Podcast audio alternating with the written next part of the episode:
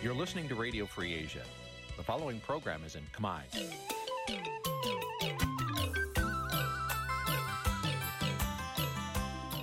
នេះជាកម្មវិធីផ្សាយ Vuthu Azizi Serai នេះជាកម្មវិធីផ្សាយរបស់ Vuthu Azizi Serai ជាភាសាខ្មែរ Vuthu Azizi Serai សូមស្វាគមន៍លោកអ្នកនាងទាំងអស់ពីរដ្ឋធានី Washington នៃសហរដ្ឋអាមេរិក ផ្សាយផ្ទាល់ពីរដ្ឋធានី Washington នេះខ្ញុំសុជីវីសូមជម្រាបសួរលោកអ្នកនាងកញ្ញាដែលកំពុងតាមដានការផ្សាយរបស់ Vuthu Azizi Serai ទាំងអស់ជាទីមេត្រីយើខ្ញុំសូមជូនកម្មវិធីផ្សាយសម្រាប់យប់ថ្ងៃច័ន្ទ14រោចខែអាសត់អាសត់ចាប់ឆ្នាំខាលចត្វាស័កពុរសករាជ2566ចាប់ត្រូវនៅថ្ងៃទី24ខែតុលាគ្រិស្តសករាជ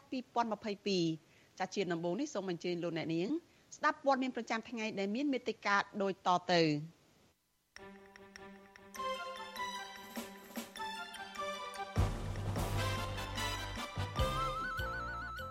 កនយោបាយនិងសង្គមស៊ីវិលថាបកកាន់អំណាចមិនទាន់ផ្ដល់សន្តិភាពពេញលេញជូនពលរដ្ឋ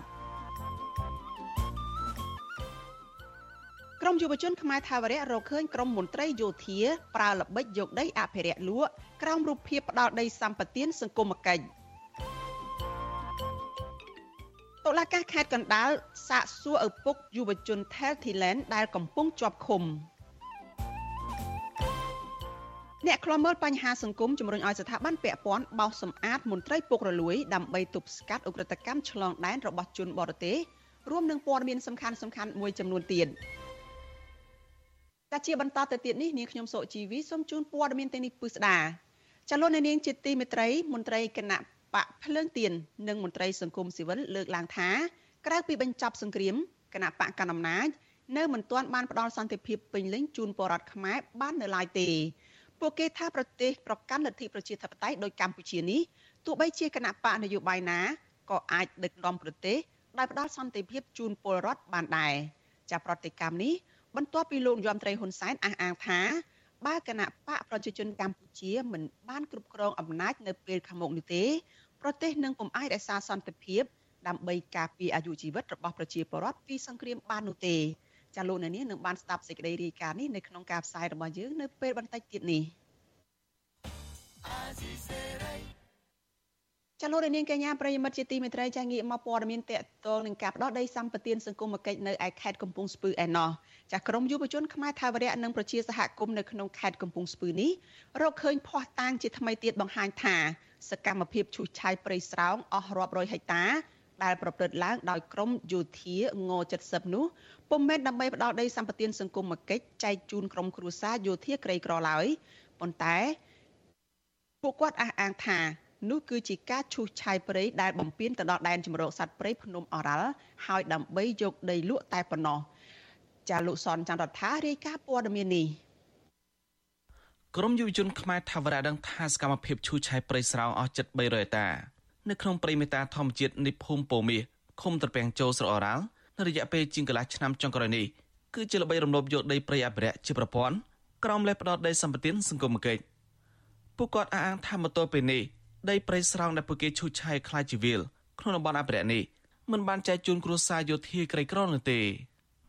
ការលើកឡើងនេះក្រោយពីក្រមយុវជនខ្មែរថាវរៈប្រជាសហគមន៍និងមន្ត្រីអង្គការសង្គមស៊ីវិលជិត20នាក់កាលពីសប្តាហ៍មុន បានចុះទៅពិនិត្យនឹងវាស់វែងដីព្រៃសហគមន៍ម្ដំស្រែពុះដែលត្រូវគេឈូសឆាយ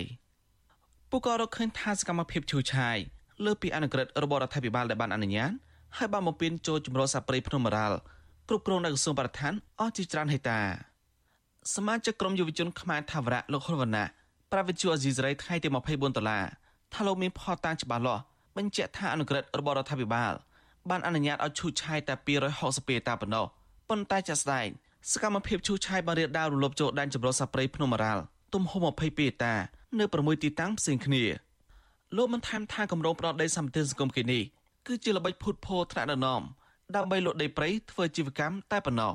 ការស្នើសុំដីដើម្បីអាស្រ័យផលរស់នៅកងទ័ពនេះយើងរកឃើញថាគ្រាន់តែជាលេសទេព្រោះយើងមានភ័ស្តុតាងច្បាស់លាស់ថាការស្នើសុំគេលើកមុនដាក់ឈ្មោះប្រជាពលរដ្ឋដែលថាជាគ្រួសារកងទ័ពអញ្ចឹងណាប៉ុន្តែជាក់ស្ដែងគឺ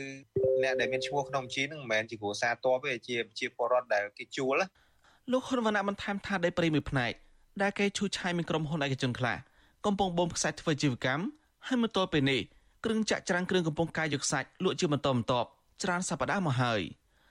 លោកបញ្ជាក់ថាទំហំដីព្រៃ260ហិកតា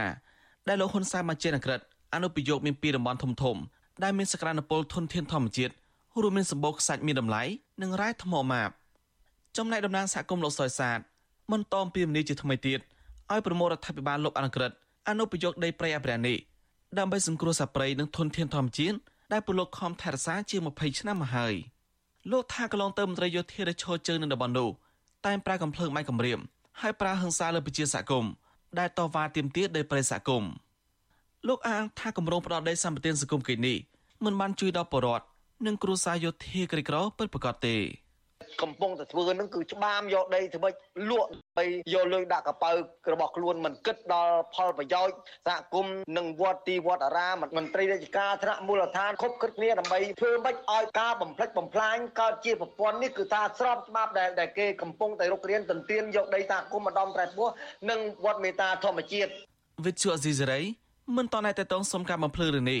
ពីមេបញ្ជាការយោធាងូចស័ព្ទបានឡើយទេ នៅថ្ងៃទី24ដុល្លារ ប៉ុន្តែបបាខេត្តកំពង់ស្ពឺលោកវីសំណាងប្រាវិទ្យាអេស៊ីសរ៉ៃថាញាធោពពន់បានចុះដោះស្រាយនឹងសម្របសម្រួលករណីនេះជាបន្តបន្ទាប់ដើម្បីបញ្ជាតំណោះរវាងសហគមន៍និងអ្នកពាក់ព័ន្ធផ្សេងទៀតលោកបញ្ជាក់ថាផ្នែកខ្លះនៃដំណោះស្រាយនេះអាញាធោចង់ឲ្យប្រជាសហគមន៍មានទីកន្លែងអាស្រ័យផលប្រៃឈើពិតប្រាកដដែលមានបង្គោលកំណត់ព្រំប្រទល់ច្បាស់លាស់លោកបន្ថែមថាអាញាធោលើកទៅចិត្តឲ្យប្រជាសហគមន៍បបបង្គោលកំណត់ព្រំប្រទល់ដី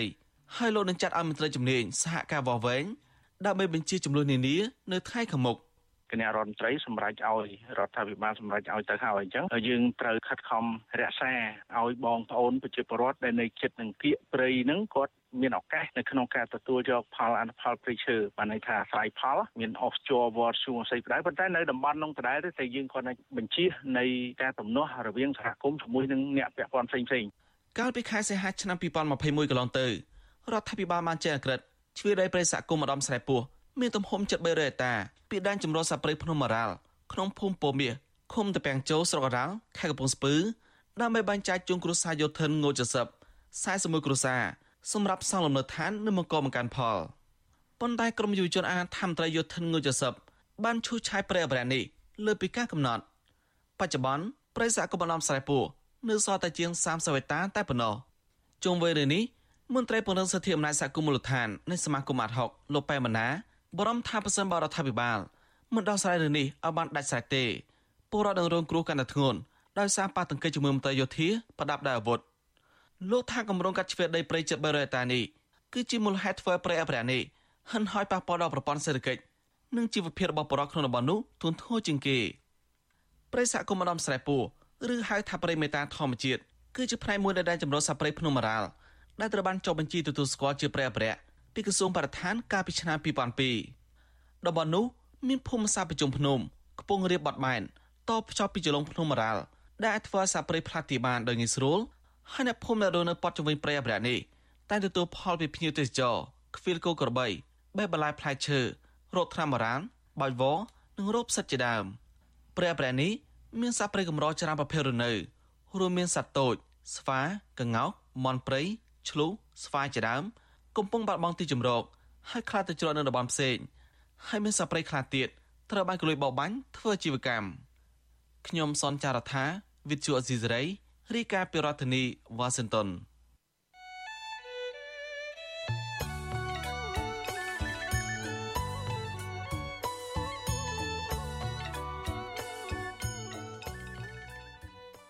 ចាលោកនាងកញ្ញាប្រិយមិត្តជាទីមេត្រីចាដំណើរគ្នានឹងការផ្សាយផ្ទាល់តាមបណ្ដាញសង្គម Facebook និង YouTube នេះចាលោកនាងក៏អាចស្ដាប់ការផ្សាយរបស់ Vithu Azizi សេរីចាតាមរយៈ Vithu រលកធាតុអាកាសខ្លីចា SW តាមកម្រិតនិងកម្ពស់ដូចតទៅនេះពេលព្រឹកចាប់ពីម៉ោង5កន្លះដល់ម៉ោង6កន្លះតាមរយៈរលកធាតុអាកាសខ្លី12140 kHz ស្មើកម្ពស់ 25m និង13715 kHz ស្មើកម្ពស់ 22m ពេលយប់ចាប់ពីម៉ោង7កន្លះដល់ម៉ោង8កន្លះ តាមរយៈរលកធាតុអាកាសខ្លី9960 kHz ស្មើនឹងកម្ពស់ 30m 12140 kHz ស្មើកម្ពស់ 25m និង11885 kHz ស្មើកម្ពស់ 25m ចាលោកនាងកញ្ញាជាទីមេត្រីចាតកតងនឹងអឺគណៈបកនយោបាយនៅមុនការបោះឆ្នោតឆ្នាំ2023ឯនេះវិញ ចាស់មន្ត្រីគណៈបកភ្លើងទៀននិងសង្គមស៊ីវិលលើកឡើងថាក្រៅពីបញ្ចប់សង្គ្រាមគណៈបកកាន់អំណាចនៅមិនទាន់បានផ្ដល់សន្តិភាពពេញលេញជូនពលរដ្ឋខ្មែរបាននៅឡើយទេពួកគេថាប្រទេសប្រកាន់លទ្ធិប្រជាធិបតេយ្យដូចកម្ពុជានេះទោះបីជាគណៈបកនយោបាយណាកាន់អំណាចក៏អាចដឹកនាំប្រទេសផ្ដល់សន្តិភាពជូនប្រជាពលរដ្ឋបានដែរចាប្រតិកម្មនេះបន្ទាប់ពីលោកចំត្រីហ៊ុនសែនអះអាងថាបើគណៈបកប្រជាជនកម្ពុជាមិនបានគ្រប់គ្រងអំណាចទេនោះ ប្រទេសនឹងពុំអាចរក្សាសន្តិភាពបានឡើយហើយក៏មិនអាចការពារអាយុជីវិតរបស់ពលរដ្ឋពីសង្គ្រាមនោះបានដែរ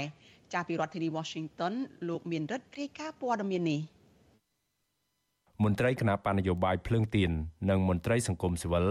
លើកឡើងដោយដូចគ្នាថា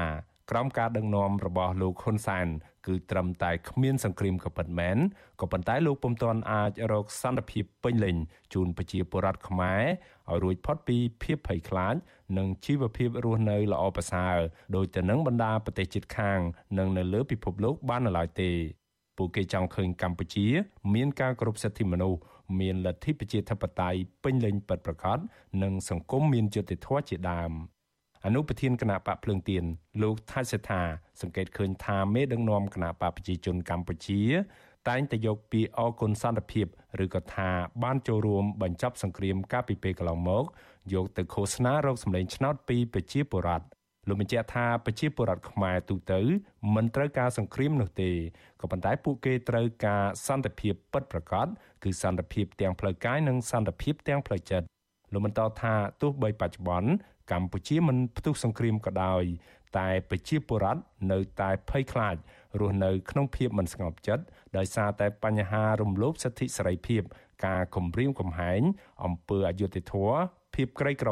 និងបញ្ហាអសន្តិសុខសង្គមជាច្រើនទៀតលោកថាសិដ្ឋាគូបញ្ជាក់ថាក្នុងសង្គមប្រជាធិបតេយ្យសេរីភូប៉ា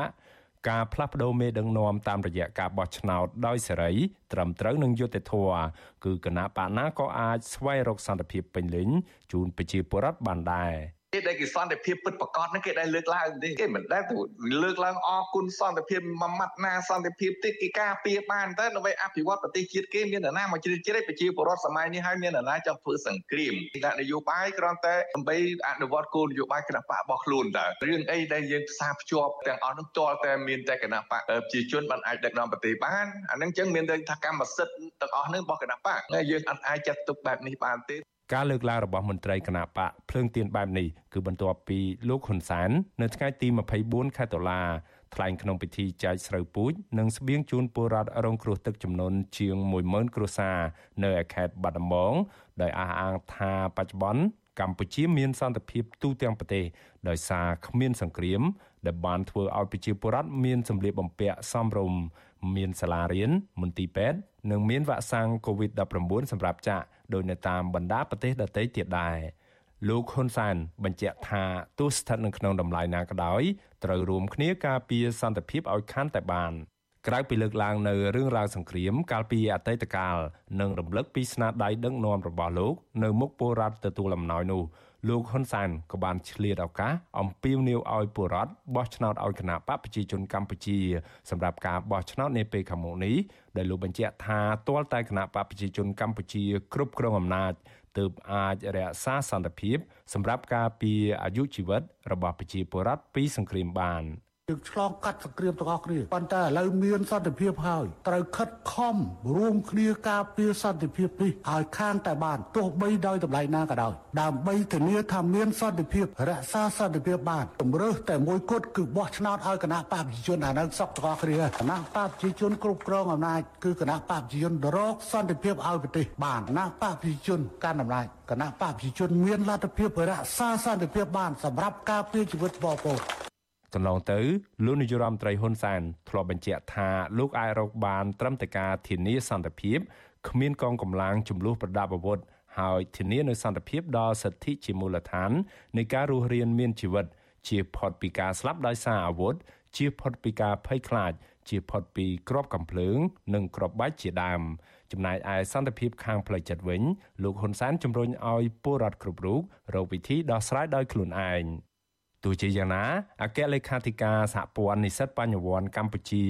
លោកគៀនពន្លកមើលឃើញថាសន្តិភាពរបស់រដ្ឋាភិបាលបច្ចុប្បន្នមានតែសម្បកក្រៅនោះទេ ដោយសារតែការរដ្ឋបិទការអនុវត្តសិទ្ធិសេរីភាព ហើយប្រជាធិបតេយ្យកំពុងដើរថយក្រោយ ដែលសហគមន៍អន្តរជាតិរិះគន់និងដាក់ទណ្ឌកម្មគួរឲ្យព្រួយបារម្ភលោកចាត់ទុកថាការលើកឡើងរបស់លោកហ៊ុនសែនបែបនេះគឺជាការឃោសនារោគសម្លេងឆ្នោតនៅមុនរដូវកាលតែប៉ុណ្ណោះ ក៏ប៉ុន្តែលោកយល់ថាសារនយោបាយបែបនេះនឹងធ្វើឲ្យប៉ះពាល់ដល់សន្តិភាពផ្លូវចិត្តបំផិតបំភ័យដល់ពលរដ្ឋដែលត្រៀមទៅបោះឆ្នោតជ្រើសតាំងតំណាងរាស្ត្រនាពេលខាងមុខហើយផ្ទុយពីរដ្ឋធម្មនុញ្ញនិងគោលការណ៍ប្រជាធិបតេយ្យនៅកម្ពុជាស្ថានភាព ប្រទេសកម្ពុជានៅពេលនេះគឺស្ថិតនៅក្នុងស្ថានភាពមួយដែលជាស្ថានភាពការគម្រាមកំហែងទៅលើសិទ្ធិនៃការបោះឆ្នោតដែលមានចែងនៅក្នុងច្បាប់រដ្ឋធម្មនុញ្ញដែលប្រជាពលរដ្ឋគ្រប់រូបហ្នឹងគឺមានសិទ្ធិក្នុងការជ្រើសរើសគណៈបកណាមួយដែលខ្លួនពេញចិត្តអញ្ចឹងបើសិនបើការប្រកាសបែបនេះគឺធ្វើឲ្យប៉ះពាល់ផ្លូវចិត្តយ៉ាងខ្លាំងទៅដល់ប្រជាពលរដ្ឋកម្ពុជាដែលគាត់នឹងត្រៀមចេញទៅបោះឆ្នោតនៅឆ្នាំ2023ខាងមុខនេះ បន្ទាប់ពីផ្ដួលរំលំរបបខ្មែរក្រហម និងគ្រប់គ្រងកម្ពុជាកាលពីដើមឆ្នាំ1979ពេញដៃហើយកងទ័ពវៀតណាមបានលើកបន្ទប់លោកហ៊ុនសែនឲ្យឡើងកាន់តំណែងជាមេដឹកនាំកម្ពុជាលោកបានធ្វើជានាយករដ្ឋមន្ត្រីចាប់តាំងពីឆ្នាំ1985រហូតមកទល់ពេលបច្ចុប្បន្ននេះ ក្រោមការដឹកនាំរបស់លោកនៅក្នុងរយៈពេលប្រមាណឆ្នាំចុងក្រោយនេះកម្ពុជាកាន់តែរងនឹងការរិះគន់ខ្លាំងៗពីសហគមន៍អន្តរជាតិដោយសារតែការរំលោភសិទ្ធិមនុស្សនិងការបំផ្លាញលទ្ធិប្រជាធិបតេយ្យក្រោយការរំលាយគណៈបកសង្គ្រោះជាតិនៅឆ្នាំ2017និងការចាប់មេគណៈបកនេះដាក់គុកអស់មួយរយៈ គណៈបណ្ឌនយោបាយនិងមន្ត្រីសង្គមស៊ីវិលសង្កេតឃើញថាភាពអយុត្តិធម៌សង្គមការដណ្ដើមដីធ្លី ការគោរពសិទ្ធិមនុស្សធ្លាក់ចុះបានបណ្ដាលឲ្យពលរដ្ឋជាច្រើនគ្មានសន្តិភាពពេញលេញនោះទេ ពួកគេថាការបោះឆ្នោតជ្រើសតាំងតំណាងរាស្ត្រនាពេលខាងមុខនេះគឺគណៈបកនយោបាយណាក៏ដោយក៏អាចដឹកនាំប្រទេសដើម្បីរក្សាសន្តិភាពជូនប្រជាពលរដ្ឋបាននោះដែរឲ្យតែមេដឹកនាំគណៈបកនយោបាយទាំងនោះមានឆន្ទៈពិតប្រាកដនៅក្នុងការដឹកនាំប្រទេសតាមរយៈការផ្សះផ្សាជាតិការបង្រួបបង្រួមជាតិ ការពង្រឹងច្បាប់ឲ្យពលរដ្ឋទទួលបានយុត្តិធម៌ស្មើភាពគ្នា ការគ្រប់សិទ្ធិមនុស្សពេញលេញនិងការលើកកម្ពស់នៅលទ្ធិប្រជាធិបតេយ្យនៅកម្ពុជា ដែលជាបំណងប្រាថ្នារួម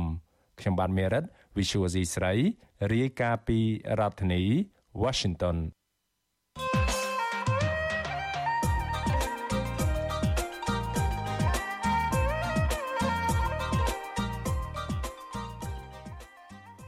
កនាងកញ្ញាប្រិយមិត្តជាទីមេត្រីចាប់ប្រកាសណាស់លោកយមត្រីហ៊ុនសែននៅមុនរដូវឃោសនារោគសម្លេងបោះឆ្នោតមកដល់នេះបានផ្ញើសារបែបគម្រាមកំហែងដើម្បីអូសទាញសម្លេងអ្នកបោះឆ្នោតឲ្យគណៈបកដែលកំពុងគ្រប់គ្រងអំណាចរបស់លោកដោយថាដើម្បីរក្សាសន្តិភាពបានគឺជំរើសតែមួយគត់ត្រូវបោះឆ្នោតឲ្យគណៈបកប្រជាជនកម្ពុជាលោកអះអាងថាលោកមានសិទ្ធិក្នុងនាមជានាយរដ្ឋមន្ត្រីនៅក្នុងការឃោសនារោគសម្លេងឆ្នោតឲ្យគណៈបករបស់លោកចតាលោកយមត្រីហ៊ុនសែន ពិតជាមានសិទ្ធិនៅក្នុងការឃោសនារោគសម្លេងឆ្នោតនៅមុនរដូវកាលបោះឆ្នោតចូលមកដល់ដែរឬទេចតាការដែលលោកហ៊ុនសែន ចាយកធនធានជាតិវេទិកាជាតិ ហើយនឹងឥទ្ធិពលរបស់លោកជានាយរដ្ឋមន្ត្រីហ៊ុនសែនជានាយរដ្ឋមន្ត្រីនេះទៅឃោសនារោគសម្លេងឆ្នោតនឹងតើមានឥទ្ធិពលយ៉ាងណាទៅលើការបោះឆ្នោតនៅក្នុងពេលខាងមុខចាសសូមអញ្ជើញលោកអ្នកនាងរងចាំចូលរួមជជែកពិភាក្សាអំពីបញ្ហានេះចានៅក្នុងវេទិកាអ្នកស្ដាប់វិទ្យុអាស៊ីសេរីនៅថ្ងៃអង្គារទី25ខែតុលាស្អែកនេះចាសសូមអរគុណ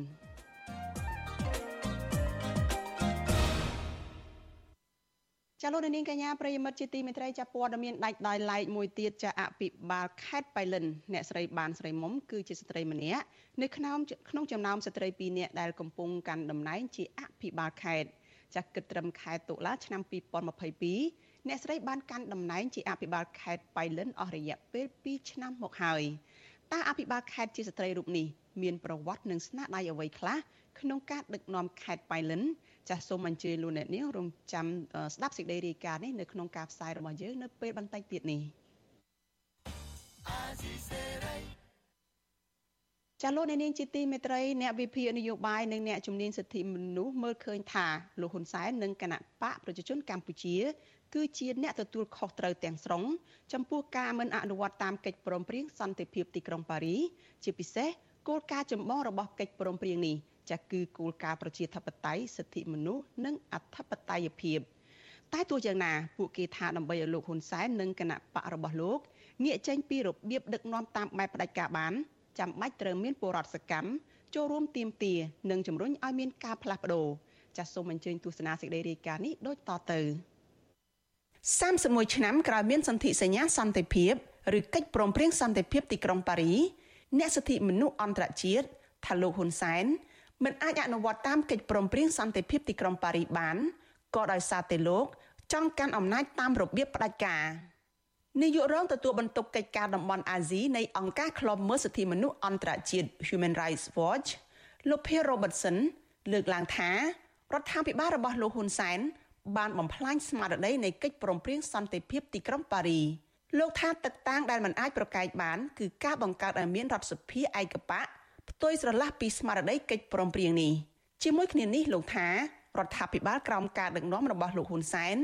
បានធ្វើទុកបុកម្នេញនិងបំបិទសិទ្ធិសេរីភាពពលរដ្ឋកាន់តែខ្លាំងជាពិសេសសិទ្ធិនយោបាយលោកបន្តថារឿងរ៉ាវទាំងនេះបានបង្កើតឲ្យមានទំនាស់ផ្នែកនយោបាយនិងការប្រឈមដាក់គ្នាកាន់តែខ្លាំងនិងលែងមានការសម្របសម្រួលដោះស្រាយចំនួនទៅតាមកិច្ចព្រមព្រៀងរក្សាសន្តិភាពនេះថែមទៀត the reason that there is increased tension មូលហេតុដែលនាំឲ្យមានការកើនឡើងនៃការប្រឈមមុខដាក់គ្នាផ្នែកនយោបាយគឺដោយសារតែប្រព័ន្ធគ្រប់គ្រងរបស់រដ្ឋាភិបាលកម្ពុជាលែងមានទួនាទីដោះស្រាយចំនួនតាមការចរចាទៀតហើយ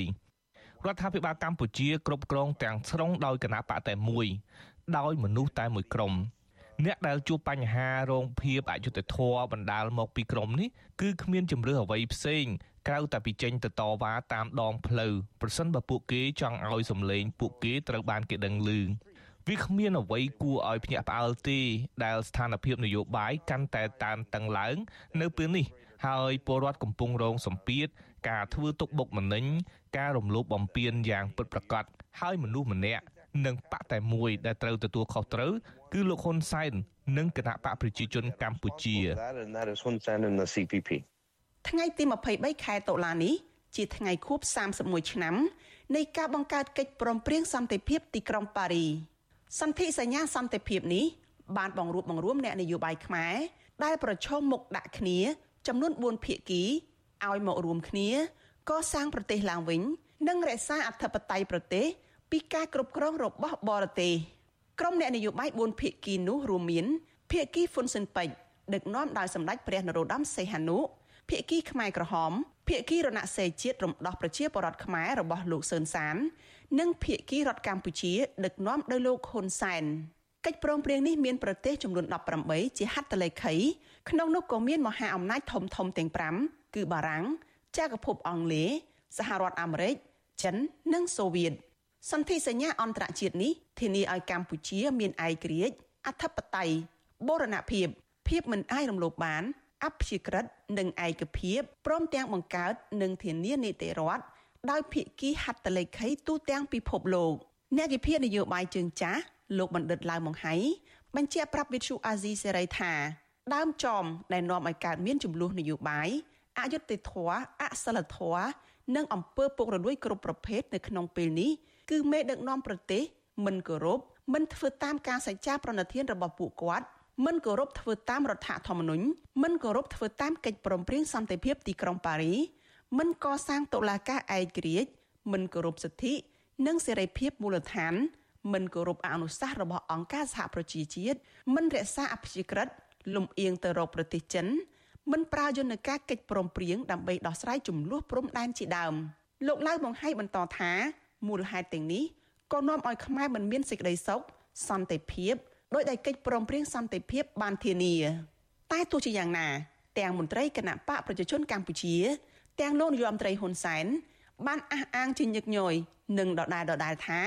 កម្ពុជាគោរពសិទ្ធិមនុស្សការពារអធិបតេយ្យប្រទេស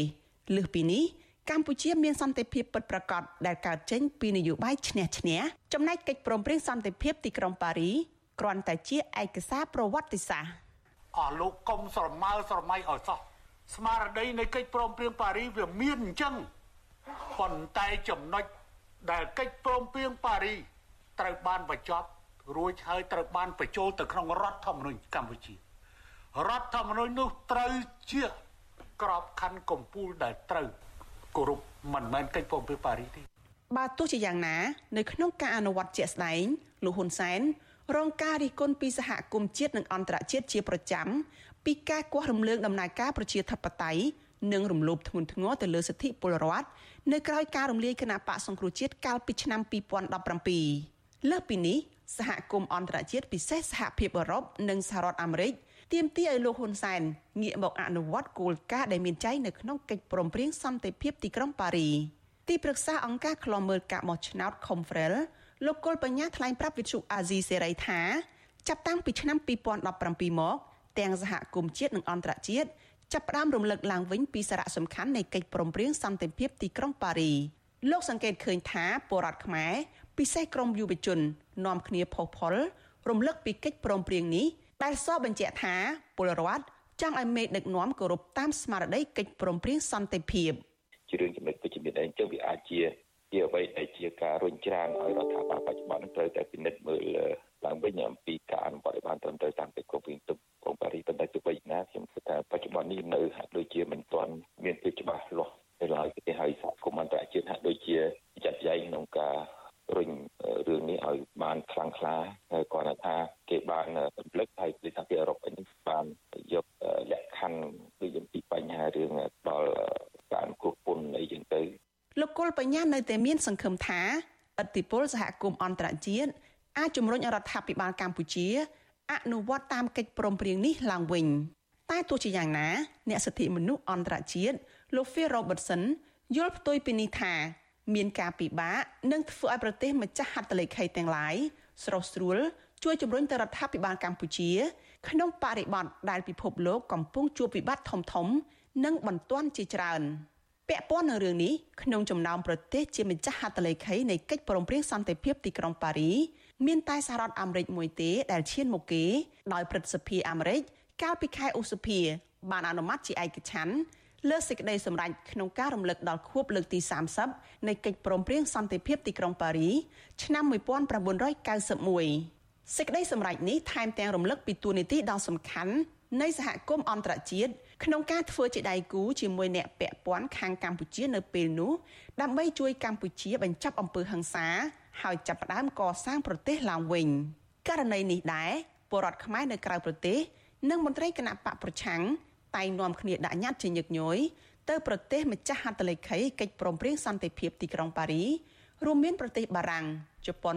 សហរដ្ឋអាមេរិកកាណាដា និងអូស្ត្រាលីជាដើម ប៉ុន្តែពួកគេមិនបានលទ្ធផលជាដុំកំភួនឡើយគឺរដ្ឋាភិបាលលោកហ៊ុនសែននៅតែមិនផ្លាស់ប្ដូរជំហរសោះឡើយជាអាចនៅក្នុងរយៈពេលចុងក្រោយនេះអាជ្ញាធររដ្ឋាភិបាល បន្តប្រើប្រាស់ប្រព័ន្ធតុលាការ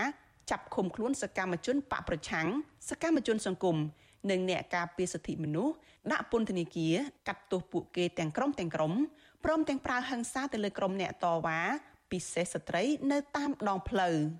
រីឯលោកហ៊ុនសែននៅតែបន្តគម្រាមកំហែងសកម្មជនបកប្រឆាំងថែមទាំងប្រមានកំទេចក្រុមប្រឆាំងដែលពាក់ព័ន្ធនឹងប្រធានស្ដីទីគណៈបកសង្គ្រោះជាតិលោកសំរងស៊ីបន្ទាប់ពីតុលាការរបបរបស់លោក បានកាត់ទោសមេដឹកនាំគណៈបកប្រឆាំងរូបនេះដាក់ពន្ធនាគារអស់មួយជីវិតពីបទចោទថាបានកាត់ដីឲ្យបរទេសការឡើងកម្ដៅនៃចំនួនរវាងអ្នកនយោបាយកម្ពុជាលោកហ៊ុនសែននិងលោកសំរងស៊ីនេះត្រូវអ្នកវិភាគមើលឃើញថាគឺមកពីលោកហ៊ុនសែន បារម្ភពីការរំខានមិនឲ្យលោកទេអំណាចទៅឲ្យកូនប្រុសដោយផាត់ចោលសម្លេងប្រឆាំងអនុប្រធានគណៈបកសង្គ្រោះជាតិអ្នកស្រីមូសុកហួរលើកឡើងថាគណៈបករបស់អ្នកស្រី នៅតែបន្តស្នើឲ្យអន្តរជាតិយកចិត្តទុកដាក់ពីបញ្ហាកម្ពុជាប៉ុន្តែអ្នកស្រីថាពលរដ្ឋគ្រប់រូបគួរយកចិត្តទុកដាក់បញ្ហានយោបាយស្រុកទេសដោយធ្វើជាពលរដ្ឋសកម្មក្នុងការទាមទារឲ្យមានការផ្លាស់ប្ដូរ គឺមិនគួររងចាំតែចំណាត់ការរបស់សហគមន៍អន្តរជាតិនោះឡើយលុះត្រាតែយើងហ៊ានតស៊ូបញ្ចេញមតិហ៊ានទៅបដកម្មហ៊ានហ៊ានប្រឈមមុខនឹងការរំលោភទាំងឡាយនេះហើយយើងទាំងអស់គ្នាគុំ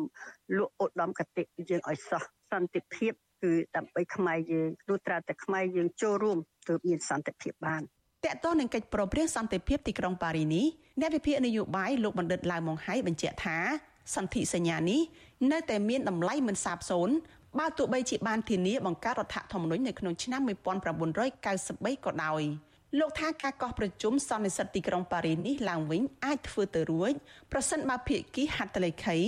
និងអតីតសហប្រធានសន្និសិទយល់ថាកម្ពុជា ក្រោមការដឹកនាំរបស់លោកហ៊ុនសែនបានបំពេញធ្ងន់ធ្ងរខ្លឹមសារនៃកិច្ចព្រមព្រៀងនេះ។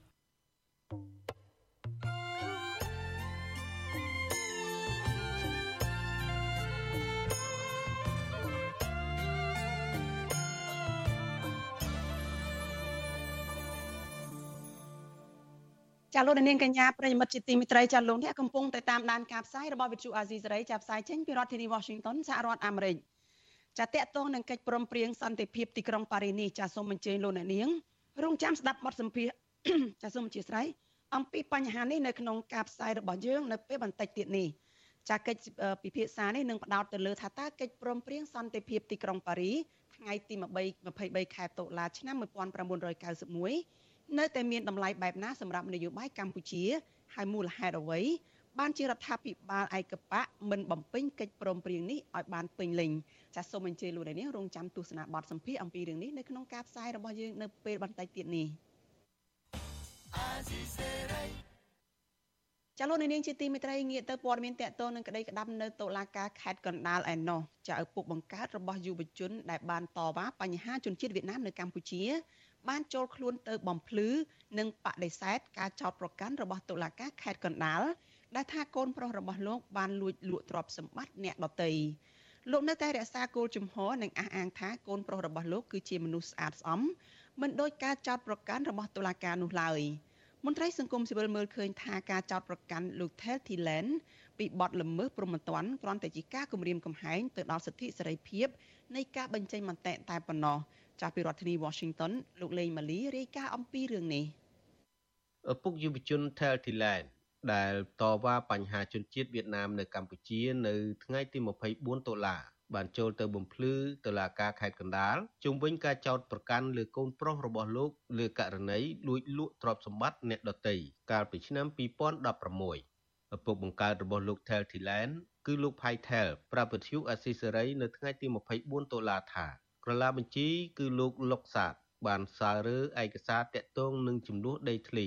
រួមមានប្លង់ដី និងលិខិតផ្ទេរកម្មសិទ្ធិពាក់ព័ន្ធជាមួយបងស្រីបង្កើតរបស់លោក ដែលជាដើមមិនដឹងមកពីនិតលោកបន្តថាក្នុងនោះមានឯកសារខ្លះคล้ายៗនិងខ្លះជាឯកសារពិតប្រាកដប៉ុន្តែពុំមានកាលបរិច្ឆេទច្បាស់លាស់នោះឡើយយ៉ាងណាក្តីលោកថាលោកមានសាក្សីជាច្រើនអ្នកដែលអាចអះអាងថាកូនប្រុសរបស់លោកជាម្ចាស់កម្មសិទ្ធិដី និងមិនបានប្រព្រឹត្តបទល្មើសដោយការចោទប្រកាន់របស់តុលាការនោះឡើយលោកស្នើសុំតុលាការខេត្តកណ្ដាលឲ្យពិនិត្យនិងពិចារណាលើរឿងក្តីនេះដោយយុត្តិធម៌និងតម្លាភាពដើម្បីសងភាពស្អាតស្អំឲ្យកូនប្រុសរបស់លោកវិញខ្ញុំឲ្យតឡានជាជាមួយច្បាប់ហ្នឹងឲ្យមើលខុសត្រូវខ្ញុំផងកុំរំលោភសិទ្ធិទេគឺអាហ្នឹងវានិយាយចំបត់ល្មើសរបស់កូនខ្ញុំវាអត់បានប្រព្រឹត្តមែនអ្នកដែលចោទប្រកាន់អ្នកដែលប្រដឹងហ្នឹងនេះជាអ្នកជនល្មើសវិញទៅវិញអញ្ចឹងវាអសទៅជាខ្មៅខ្មៅទៅជាសហ្នឹងអាចយុទ្ធធម៌សម្រាប់កូនខ្ញុំ យុវជន Thel Thailand ត្រូវបានសមត្ថកិច្ចចាប់ខ្លួនកាលពីថ្ងៃទី4តុលាហើយតុលាការខេត្តកណ្ដាលបានសម្រេចឃុំខ្លួនលោកបណ្ដោះអាសន្ននៅពន្ធនាគារខេត្តការឃុំខ្លួននេះធ្វើឡើងតាមដីកាបង្គាប់របស់ចៅក្រមស៊ើបសួរនៃសាលាដំបងខេត្តកណ្ដាលគឺលោកប្លង់វិសាលក្រោមបទចោទថាលួចលក់អចលនទ្រព្យរបស់អ្នកដទៃដែលបានប្រព្រឹត្តតាំងពី6ឆ្នាំមុន ជុំវិញរឿងនេះវិទ្យុអស៊ីសេរីនៅពុំទាន់អាចតាក់ទងក្រឡាបញ្ជីលោកលុកសាទនិងចៅក្រមស៊ើបសួរនៃសាលាដំបងខេត្តកណ្ដាលគឺលោកប្លង់វិសាលដើម្បីអត្ថាធិប្បាយជុំវិញរឿងនេះបានទេ នៅថ្ងៃទី24ដុល្លារលោក Tel Thilen ជាយុវជនដែលតវ៉ាសកម្មពាក់ព័ន្ធនឹងការចេញមុខតវ៉ារឿងបង្កើតដេប៉ាតឺម៉ង់ភាសាវៀតណាមនៅកម្ពុជា និងការគ្រប់គ្រងជនអន្តោប្រវេសន៍នៅកម្ពុជា ការចាប់ខ្លួនលោក ធ្វើឡើងក្រោយពេលដែលលោកបានប្រកាសគៀកោប្រជាពលរដ្ឋគ្រងជួបជុំសម្ដែងមតិដោយសេរីទាក់ទងនឹងបញ្ហាសង្គមជាតិនៅទីលានប្រជាធិបតេយ្យនៅថ្ងៃទី7ដុល្លារទាក់ទិនរឿងនេះប្រធានសមាគមការពារសិទ្ធិមនុស្សអាត6លោកនីសុខាមើលឃើញថាការចោទប្រកាន់លោក Tel Thilen លើបទល្មើសព្រហ្មទណ្ឌគ្រាន់តែជាការគំរាមកំហែងដល់សិទ្ធិសេរីភាពនៃការបញ្ចេញមតិតែប៉ុណ្ណោះ លោកក៏សម្គាល់ឃើញថារាល់ការចោទប្រកាន់បទផ្សេងៗទៅលើអ្នកងើបតវ៉ាតស៊ូមតិប្រឆាំងរដ្ឋាភិបាលច្រើនតែជារឿងឯកជនផ្ទាល់ខ្លួនរបស់ពួកគេខណៈរឿងក្តីខ្លះមានរយៈពេលយូរណាស់ទៅហើយលោកបន្តថាប្រសិនបើរដ្ឋាភិបាលកម្ពុជានៅតែបន្តប្រើប្រព័ន្ធយុតិធធគម្រាមកំហែងបិទសិទ្ធិសេរីភាពនៃការបញ្ចេញមតិរបស់ប្រជាពលរដ្ឋនោះនឹងបណ្ដាលឲ្យមានការរិះគន់កាន់តែខ្លាំង និងបង្ហាញពីភាពមិនគោរពទៅតាមគោលការណ៍សិទ្ធិមនុស្សដែលរដ្ឋាភិបាលខ្លួនឯងបានធានា។បើយើងមើលនៅពីក្រោយនៃរឿងហ្នឹងគឺយើងអាចកត់សម្គាល់បានថាវាអាចជាការគម្រាមកំហែងទៅដល់ការបិទសេរីភាពក្នុងការបញ្ចេញមតិទាក់ទងទៅនឹងរឿងដែលគាត់រិះគន់ចំពោះការដាក់អបតិមងនៃភាសាវៀតណាមហ្នឹងមកទល់ពេលនេះយុវជន Thailand បានជាប់ឃុំបណ្ដោះអាសន្ននៅពន្ធនាគារខេត្តកណ្ដាលអស់រយៈពេល20ថ្ងៃមកហើយ ឪពុករបស់លោកឲ្យដឹងថាលោកមានសភាពស្គមស្គាំងជាងមុនដោយសារបញ្ហាចំណីអាហារនិងស្ថានភាពនៃការរស់នៅ មន្ត្រីសង្គមស៊ីវិលអ្នកខ្លំមើលការរំលោភសិទ្ធិមនុស្សនិងសាច់ញាតិលោក Thailand ចាត់ទុកការចាប់ខ្លួនយុវជនរូបនេះដាក់ពន្ធនាគារថាជាការគំរាមកំហែងនិងបំផិតបំភ័យយុវជនដទៃទៀតមិនឲ្យចូលរួមកិច្ចការងារសង្គមនិងប៉ះពាល់ដល់សិទ្ធិសេរីភាពបញ្ចេញមតិធ្ងន់ធ្ងរ ខ្ញុំបាទលេងម៉ាលីវិទ្យុអស៊ីសេរីរាយការណ៍ពីរដ្ឋធានី Washington ចាលោកនាងកញ្ញាប្រិយមិត្តជាទីមេត្រីចាព័ត៌មានដាច់ដោយឡែកមួយទៀតចាអ្នកឃ្លាំមើលកម្ពុជាជំរុញឲ្យស្ថាប័នពាក់ព័ន្ធនៃរដ្ឋាភិបាលលោកហ៊ុនសែនគួរតែចាប់ផ្ដើមបោសសម្អាតមន្ត្រីពុករលួយនិងពង្រឹងការអនុវត្តច្បាប់ឲ្យបានម៉ឺងម៉ាត់ដើម្បីទប់ស្កាត់នៅអ ுக ្រិតកម្មឆ្លងដែនរបស់ជនបរទេស ប្រតិកម្មនេះធ្វើឡើងបន្ទាប់ពីសមត្ថកិច្ចខេត្តប្រសិទ្ធអនុបង្ក្រាបបានជនជាតិចិន4នាក់បន្ថែមទៀតពាក់ព័ន្ធនឹងរឿងឆ្លងដែនដោយខុសច្បាប់ចារូទីនសការីយ៉ារាយការណ៍ព័ត៌មាននេះអ្នកតាមដានស្ថានភាពនយោបាយកម្ពុជារិះគន់អាញាធររដ្ឋាភិបាលឯកបៈថាអសមត្ថភាពក្នុងការគ្រប់គ្រងជនអន្តោប្រវេសន៍និងបណ្ដាលបណ្ដោយឲ្យជនបរទេសជាពិសេសជនជាតិចិនចេញចូលកម្ពុជាដោយសេរីបើទោះបីជាពួកគេគ្មានលិខិតឯកសារស្របច្បាប់ក្នុងការធ្វើដំណើរយ៉ាងណាក្តី អ្នកសិក្សាផ្នែកច្បាប់លោកវ៉ុនចាន់ឡូតប្រាប់វិទ្យុអាស៊ីសេរីនៅថ្ងៃទី24ដុល្លារថាអក្រិតកម្មឆ្លងដែននៃជនបរទេសចូលកម្ពុជាគឺជាដើមចមសំខាន់ដែលនាំឲ្យកម្ពុជាងាយនឹងប្រឈមបញ្ហាអសន្តិសុខសង្គមនិងកើតមានបទល្មើសបែបអក្រិតកម្មកាន់តែច្រើនលោកមើលឃើញថាកង្វះឆន្ទៈនិងការប្រព្រឹត្តអំពើពុករលួយ របស់មន្ត្រីអាជ្ញាធរនៅតែជាបញ្ហាចម្បងដែលបានរារាំងដល់ការអនុវត្តច្បាប់លើក្រុមអក្រិតជនឆ្លងដែនខុសច្បាប់ លោកស្នើដល់រដ្ឋាភិបាលគួរតែពង្រឹងការអនុវត្តច្បាប់ឲ្យបានម៉ឺងម៉ាត់និងពង្រឹងសមត្ថភាពមន្ត្រីតាមច្រកព្រំដែនឲ្យបង្កើនការត្រួតពិនិត្យជនបរទេសពាក់ព័ន្ធនឹងឯកសារនានាដែលឆ្លងដែនចេញចូលកម្ពុជា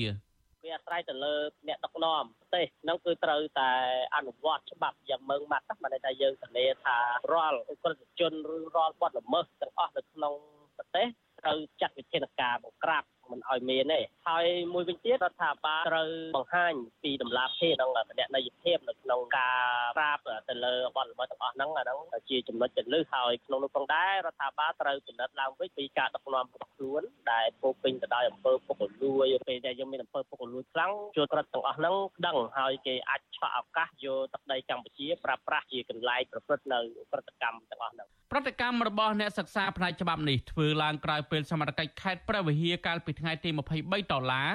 បង្ក្រាបបានជនជាតិចិន4នាក់បន្ថែម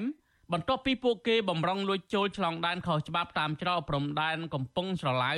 ក្នុងស្រុកឆែបខេត្តព្រះវិហារទៅប្រទេសឡាវកាលពីថ្ងៃទី18ដុល្លារកន្លងទៅសមត្ថកិច្ចខេត្តព្រះវិហារបានចាប់មេខ្យល់ជនជាតិខ្មែរ2នាក់និងជនជាតិចិនចំនួន16នាក់ ខណៈពួកគេបានធ្វើដំណើរតាមរថយន្តសានយ៉ុងលួចចូលទឹកដីកម្ពុជាហើយចេញទៅវិញឆ្លងដែនតាមច្រកព្រំដែនកំពង់សាឡាវទៅប្រទេសឡាវដែលខុសច្បាប់ទោះបីជាអាជ្ញាធរខេត្តព្រះវិហារមិនបានបង្ហាញព័ត៌មានឲ្យបានទូលំទូលាយចំពោះការបញ្ជូនពួកគេឲ្យទៅប្រទេសកំណើតវិញឬមានចំណាត់ការតាមផ្លូវច្បាប់យ៉ាងណានៅឡើយទេចំពោះជនជាតិចិនទាំងនោះវិទ្យុអសិរ័យមិនអាចតេតតងស្នងការនគរបាលខេត្តព្រះវិហារលោកសួសសុកតារា និងអភិបាលរងស្រុកឆែបលោកឡុងសុបិនដើម្បីសួរអំពីបញ្ហានេះបន្ថែមបានទេនៅថ្ងៃទី24ដុល្លារនេះចំណែកឯអ្នកនាំពាក្យស្លាកខេត្តព្រះវិហារលោកយ៉ុងកំហឿងបដិសេធមិនធ្វើអធិប្បាយជំវិញនឹងបញ្ហានេះទេដោយលោកគ្រាន់តែនិយាយខ្លីថាកំពុងតែជាប់ប្រជុំកម្ពុជារយៈពេលចុងក្រោយនេះហាក់កំពុងក្លាយជាទីតាំងសម្រាប់ក្រុមអក្រិតជននិងជាទីកន្លែងសម្រាប់ជនអន្តោប្រវេសន៍ចូលមកស្នាក់នៅនិងធ្វើអាជីវកម្មដោយសេរីទោះជាយ៉ាងណាអាញាធរចាប់បញ្ជូនជនបរទេសមួយចំនួនទៅកាន់ប្រទេសកំណើតពួកគេវិញ បន្ទាប់ពីសហរដ្ឋអាមេរិកបានចេញរបាយការណ៍ស្តីពីការជួញដូរមនុស្សប្រចាំឆ្នាំ2022ដែលបានទម្លាក់ចំណាត់ថ្នាក់កម្ពុជាទៅជាលំដាប់ទី3ដែលមានន័យថាស្ថានភាពនៃអំពើជួញដូរមនុស្សនៅកម្ពុជាអាក្រក់បំផុតនិងពុំធ្លាប់មានទេចាប់តាំងពីឆ្នាំ2015មកជាងនេះទៅទៀតជនបរទេសមួយចំនួនដែលឆ្លងដែនចូលកម្ពុជាកន្លងមកភ្នាក់ច្រើនសុទ្ធសឹងតែចាញ់បោកមេខ្យល់លបួងឲ្យពួកគេមកធ្វើការឲ្យក្រុមហ៊ុនចិនពាក់ព័ន្ធនឹងការចាប់ចម្រិត និងឆោបបោកមនុស្សតាមប្រព័ន្ធអនឡាញជាដើមជុំវិញនឹងរឿងនេះអ្នកសម្របសម្រួលសមាគមការពារសិទ្ធិមនុស្សអាត60ប្រចាំខេត្តព្រះវិហារលោកឡោច័ន្ទព្រួយបារម្ភថាប្រសិនបើជនបរទេសជាពិសេសជនជាតិចិនដែលអាចបន្តចេញចូលកម្ពុជាដោយខុសច្បាប់នោះនឹងធ្វើឲ្យបង្កអសន្តិសុខសង្គមលោកយល់ថាជនបរទេសចូលមកកម្ពុជាក្នុងក្របខ័ណ្ឌលួចលាក់ដែលខុសច្បាប់បែបនេះគឺពួកគេអាចប្រព្រឹត្តបទល្មើសនានានៅលើទឹកដីខ្មែរដែលជាការគំរាមកំហែងដល់សន្តិសុខជាតិនិងសុវត្ថិភាពពលរដ្ឋ មានការព្រួយបារម្ភជនជាតិបរទេសដែលគាត់ឆ្លងដែនដែលពុំមានក៏ឯកសារស្របច្បាប់ចេះតែឆ្លងមកហើយឆ្លងទៅនេះគឺយើងខ្លាចថ្ងៃមុខទៅវាជាបញ្ហាដល់សង្គមយើងពាក់ព័ន្ធទៅនឹងសន្តិសុខសង្គមដែរទីពីរពាក់ព័ន្ធទៅនឹងសុវត្ថិភាពពលរដ្ឋដែលនៅតំបន់មួយចំនួនហើយខាងកំពង់សាឡាវយើងឃើញថាវាច្រើនតែអ្នកដែលប្រើប្រាស់ក៏ដូចជាអ្នកដែលឆ្លងមានន័យថាឆ្លងពីប្រទេសមួយមកប្រទេសកម្ពុជាហ្នឹងគឺពាក់ព័ន្ធទៅនឹងការជួញដូររឿងញៀនគឺយើងឃើញទស្សនវិជ្ជាហ្នឹងគឺយើងមានការព្រួយបារម្ភផងដែរតើតើនៅបាត់អក្រិតកម្មឆ្លងដែននៅដែរអគ្គនាយកដ្ឋានអន្តរប្រវេសឲ្យដឹងថាគិតត្រឹមថ្ងៃទី22ដុល្លារបានបណ្ដេញជនបរទេសជិត300នាក់បន្ថែមទៀតចេញពីកម្ពុជាដោយបញ្ជូនពួកគេឲ្យវិលទៅស្រុកកំណើតវិញតាមច្រកព្រំដែនអន្តរជាតិប៉ោយប៉ែតនិងត្រពាំង plong ជនបរទេសទាំងនោះរួមមានចិនវៀតណាមថៃនិងជនជាតិបង់ក្លាដេសជាដើមរបាយការណ៍អគ្គនាយកដ្ឋានអន្តរប្រវេសបង្ហាញថាគិតត្រឹមចុងខែកញ្ញារហូតដល់ពេលនេះកម្ពុជាបណ្ដេញជនបរទេសជិត1000នាក់ទៅស្រុកកំណើតវិញជនបរទេសទាំងនោះ មានដូចជា ជនជាតិចិនវៀតណាមថៃនិងជនជាតិឥណ្ឌាជាដើមដែលពួកគេបានលួចឆ្លងដែនចូលមកស្នាក់នៅកម្ពុជានិងធ្វើការប្រកបអាជីវកម្មនៅកម្ពុជាដែលខុសច្បាប់ខ្ញុំទីនសាការីយ៉ាអសិរ័យប្រធានីវ៉ាស៊ីនតោន ចាលោកនាងជាទីមេត្រីចាអភិបាលខេត្តបៃលិនអ្នកស្រីបានស្រីមុំគឺជាស្ត្រីម្នាក់នៅក្នុងចំណោម2នាក់ដែលកំពុងតែកាន់តំណែងជាអភិបាលខេត្តតើអភិបាលខេត្តជាស្ត្រីរូបនេះមានប្រវត្តិនិងស្នាដៃអ្វីខ្លះក្នុងការដឹកនាំខេត្តបៃលិនចាលោកយ៉ងច័ន្ទតារាសូមជួនសេចក្តីរាយការណ៍ពិស្ដារអំពីរឿងនេះអ្នកស្រីបានស្រីមុំត្រូវបានរដ្ឋាភិបាលលោកហ៊ុនសែនផ្ដល់ទំនុកចិត្តឲ្យធ្វើជាអភិបាលខេត្តបៃលិន កាលពីចុងឆ្នាំ2020អ្នកស្រីបានថ្លែងនៅក្នុងពិធីចូលកាន់តំណែងថា អ្នកស្រីនឹងប្រឹងប្រែងស្ដារស្ថានភាពខេត្តបៃលិនឲ្យបានល្អប្រសើរនៅក្រៅវិបត្តិជំងឺ Covid-19 ដោយឈរទៅលើស្មារតីនៃកិច្ចសហការ និងសាមគ្គីភាពខ្ញុំសូមបដិញ្ញាចិត្តថានឹងខិតខំប្រឹងប្រែងឲ្យអស់ពីសមត្ថភាពនិងត្រៀមទទួលយកការចូលរួមនិងយោបល់ការអំពាវនាវឲ្យការសហការរៀនសូត្រពីគ្នាទៅវិញទៅមកដើម្បីពង្រឹងបន្ថែមនៅការជឿទុកចិត្តរបស់ថ្នាក់ដឹកនាំ និងក្តីសង្ឃឹមរបស់ប្រជាជនក្នុងខេត្តបៃលិនអ្នកស្រីបានស្រីមុំកើតនៅឆ្នាំ1975ដែលគិតមកទល់នឹងពេលនេះអ្នកស្រីមានអាយុ47ឆ្នាំហើយអ្នកស្រីគឺជាភរិយារបស់លោកអ៊ីឈៀនអតីតអភិបាលខេត្តបៃលិន និងបច្ចុប្បន្នជារដ្ឋលេខាធិការក្រសួងការពារជាតិអ្នកស្រីធ្លាប់ធ្វើជាតំណាងរាស្ត្រមណ្ឌលខេត្តបៃលិន ចាប់ពីឆ្នាំ2013រហូតដល់ឆ្នាំ2020 ចំពោះការសិក្សាវិញ គេមិនដឹងថាតើអ្នកស្រី បានសិក្សាជំនាញអ្វីនិងនៅសាលាណាខ្លះនោះទេ នៅក្នុងកម្រិតបរិញ្ញាបត្រនិងបរិញ្ញាបត្រជាន់ខ្ពស់ក៏ប៉ុន្តែអ្នកស្រីទទួលបានសញ្ញាបត្របណ្ឌិតពីសាកលវិទ្យាល័យចម្រើនពហុបច្ចេកវិទ្យា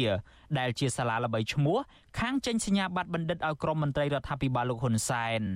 គេក៏មិនដឹងដែរថាតើអ្នកស្រីបានស្រីមុំមានប្រវត្តិពីមុនយ៉ាងណាខ្លះនោះទេ ក៏ប៉ុន្តែអ្នកស្រីបានលេចមុខមាត់នៅខេត្តបៃលិននៅឆ្នាំ2003ក្រោយការបោះឆ្នោតក្រុមប្រឹក្សាឃុំសង្កាត់អាណត្តិទី2ពេលទៅដល់ប៉ៃលិនដំបងអ្នកស្រីបានបើកហាងខារ៉ាអូខេយីហោ555ដែលជាហាងខារ៉ាអូខេធំជាងគេនៅតំបន់នោះភ្ញៀវដែលចូលហាងខារ៉ាអូខេរបស់អ្នកស្រីបានស្រីមុំសុទ្ធតែជាមន្ត្រីលំដាប់ខ្ពស់នៅក្នុងខេត្តប៉ៃលិនជាពិសេសគឺអភិបាលខេត្តលោកអ៊ីឈៀនផ្ទាល់តែម្ដង។ លោកអ៊ីឈៀនកាលនោះមិនទាន់ជាស្វាមីរបស់អ្នកស្រីបានស្រីមុំនៅឡើយទេ ប្រពន្ធមួយចំនួនឲ្យដឹងថាអតីតមេយោធាខ្មែរក្រហមរូបនេះមានមុខនៅហាងខារ៉ាអូខេរបស់អ្នកស្រីបានស្រីមុំជាប់ជាប្រចាំរហូតដល់មានទំនាក់ទំនងស្នេហាជាមួយគ្នាក្រោយមកទៀតលោកអ៊ីឈៀនបានសម្រេចលែងលះប្រពន្ធដើមរបស់លោកដើម្បីមករៀបការនឹងរួមរស់ជាមួយអ្នកស្រីបានស្រីមុំវិញហើយហាងខារ៉ាអូខេ555នោះក៏ត្រូវបានបិទ ក្រោយពីខ្លាចជាស្ត្រីទី1នៅខេត្តបៃលិនហើយអ្នកស្រីបានស្រីមុំចាប់ផ្ដើមពង្រីកអំណាចរបស់ខ្លួនជាជំហានជំហានអ្នកស្រីបានច្បាមយកតួនាទីជាប្រធានសាខាកកបាតក្រហមកម្ពុជាខេត្តបៃលិនពីលោកអៀងវុតកូនប្រុសរបស់លោកអៀងសារីគឺតួនាទីជាប្រធានសាខាកកបាតក្រហមកម្ពុជាខេត្តបៃលិននេះហើយដែលជាឈ្នន់សម្រាប់អ្នកស្រីជន់ឡើងទៅចិត្តជំទាវធំទី1គឺអ្នកស្រីប៊ុនរនីហ៊ុនសែនដែលជាប្រធានកកបាតក្រហមកម្ពុជា ទំនាក់ទំនងជាមួយភរិយារបស់លោកហ៊ុនសែននេះបានជួយឲ្យអ្នកស្រីបានស្រីមុំក្លាយជាតំណាងរាជខេត្តបៃលិនចាប់តាំងពីឆ្នាំ2013រហូតដល់ចុងឆ្នាំ2020នៅក្នុងរដ្ឋសភា អ្នកស្រីមិនមែនជាតំណាងរាស្ត្រធម្មតាទេក៏ប៉ុន្តែជាអនុប្រធានគណៈកម្មការជំនាញរបស់រដ្ឋសភាពីដំបូងអ្នកស្រីគឺជាអនុប្រធានគណៈកម្មការសិទ្ធិមនុស្សទទួលពាក្យបណ្ដឹង អង្កេត និងទំនាក់ទំនងរដ្ឋសភាព្រឹទ្ធសភា ហើយក្រោយមកទៀតអ្នកស្រីក្លាយជាអនុប្រធានគណៈកម្មការអប់រំយុវជនកីឡា ធម្មការកិច្ចការសាសនាវប្បធម៌និងទេសចរដែលមានលោកហ៊ុនម៉ាណីកូនប្រុសពៅរបស់លោកហ៊ុនសែនជាប្រធានជាមួយគ្នានេះអ្នកស្រីក៏បានក្លាយជាប្រធានសហភាពសហព័ន្ធយុវជនកម្ពុជារបស់លោកហ៊ុនម៉ាណីប្រចាំនៅខេត្តបៃលិនផងដែរតាមរយៈទូនីតិជាតំណាងរានិងជាប្រធានសហភាពសហព័ន្ធយុវជនកម្ពុជាដ៏មានឥទ្ធិពលនេះ អ្នកស្រីបានស្រីមុំចាប់ផ្ដើមបន្សាបអធិពលមន្ត្រីក្រាក់ក្រាក់និងខ្សែស្រឡាយផ្សេងពីអ្នកស្រី នៅក្នុងខេត្តបៃលិនអ្នកស្រីបានលាលែងពីសមាជិកសភាឯកបៈដើម្បីមកធ្វើជាអភិបាលខេត្តបៃលិន នៅចុងឆ្នាំ2020ខេត្តបៃលិន ដែលមានផ្ទៃដីប្រមាណ1000គីឡូម៉ែត្រការ៉េនិងមានពលរដ្ឋជាង70000នាក់នោះក៏មានបញ្ហារ៉ាំរ៉ៃដូចទៅនឹងខេត្តមួយចំនួនទៀតដែរគឺទំនាស់ដីធ្លី ក៏ប៉ុន្តែទំនាស់ដីធ្លីនៅប៉ៃលិនភ ieck ច្រើនគឺមានជាប់ពាក់ព័ន្ធទៅនឹងអ្នកស្រីបានស្រីមុំនិងសាច់ញាតិរបស់អ្នកស្រីផ្ទាល់តែម្ដងអង្គការមូលនិធិទិន្នន័យដីធ្លីដែលមានមូលដ្ឋាននៅប្រទេសហូឡង់បានរកឃើញថាអ្នកស្រីបានស្រីមុំនឹងស្វាមីគឺជាអ្នកបញ្ជាឲ្យគេឈូសឆាយនិងច្បាមយកដីធ្លីជិត700ហិកតាពីប្រជាពលរដ្ឋចំនួន147គ្រួសារនៅក្នុងខេត្តបៃលិនកាលពីឆ្នាំ2006 ក្រៅពីបាត់បង់ដីធ្លីហើយនោះប្រជាពលរដ្ឋចំនួន4នាក់ត្រូវបានគេចាប់ដាក់ពន្ធនាគារថែមទៀតដោយសារតែពួកគាត់បានវិលទៅកាន់ដីដែលគេច្បាមយកនោះពួកគាត់ត្រូវបានគេដោះលែងនៅក្រៅឃុំវិញជាថ្នូរទៅនឹងការចុះកិច្ចសន្យាបញ្ឈប់ការទាមទារយកដីនោះមកវិញប្រជាពលរដ្ឋមួយរូបនៅខេត្តបៃលិនឲ្យដឹងថាលោកស្រីបានបាត់បង់ដីធ្លីចំនួន8ហិកតាដែលលោកស្រីនិងស្វាមីពិការបានខិតខំកាប់ឆ្ការបង្កបង្កើនផល ក្រោយធ្វើសមាហរណកម្មឆ្នាំ1996លោកស្រីបញ្ជាក់ថាអ្នកច្បាមយកដីនោះគឺជាខ្សែស្រឡាយរបស់អ្នកស្រីបានស្រីមុំអ្នកដែលយកដីភ្លីខ្ញុំហ្នឹងគឺជាខ្សែហោរបស់គាត់ហើយតាំងពីគាត់ឡើងគ្រប់គ្រងនឹងមកទី1វាមានការបង្កើតបងលបែងនឹងពវិច្រើនទី2ទៀតវាមានរឿងអយុត្តិធម៌ខ្លះខ្លះដែរពាក់ព័ន្ធរឿងចាប់រឿងចងរឿងធ្វើបាបអីចឹងទៅណា ដូចគ្នានេះដែរប្រធានប្រតិបត្តិគណៈបកសង្គ្រោះជាតិប្រចាំខេត្តបៃលិនអ្នកស្រីវ៉ែនតារាអះអាងថាអ្នកស្រីបានស្រីមុំបានច្បាមយកដីធ្លីពីប្រជាពលរដ្ឋនិងទ្រព្យសម្បត្តិសាធារណៈរបស់រដ្ឋជាច្រើនកន្លែងនៅក្នុងខេត្តបៃលិនអ្នកស្រីថ្លែងទៀតថាអ្នកស្រីបានស្រីមុំគិតតែពីផលប្រយោជន៍ផ្ទាល់ខ្លួននិងបពពួកជាជាងគិតពីប្រយោជន៍របស់ប្រជាពលរដ្ឋនៅក្នុងខេត្ត ឥឡូវហ្នឹងរៀបគម្រោងយកដីវិជាពរដ្ឋនៅកន្លែងពលានយន្តហោះចាស់នោះទៀតហើយវិជាពរដ្ឋដាំដូងដាំឆ្លាដាំស្អីសពគ្រប់ព្រាត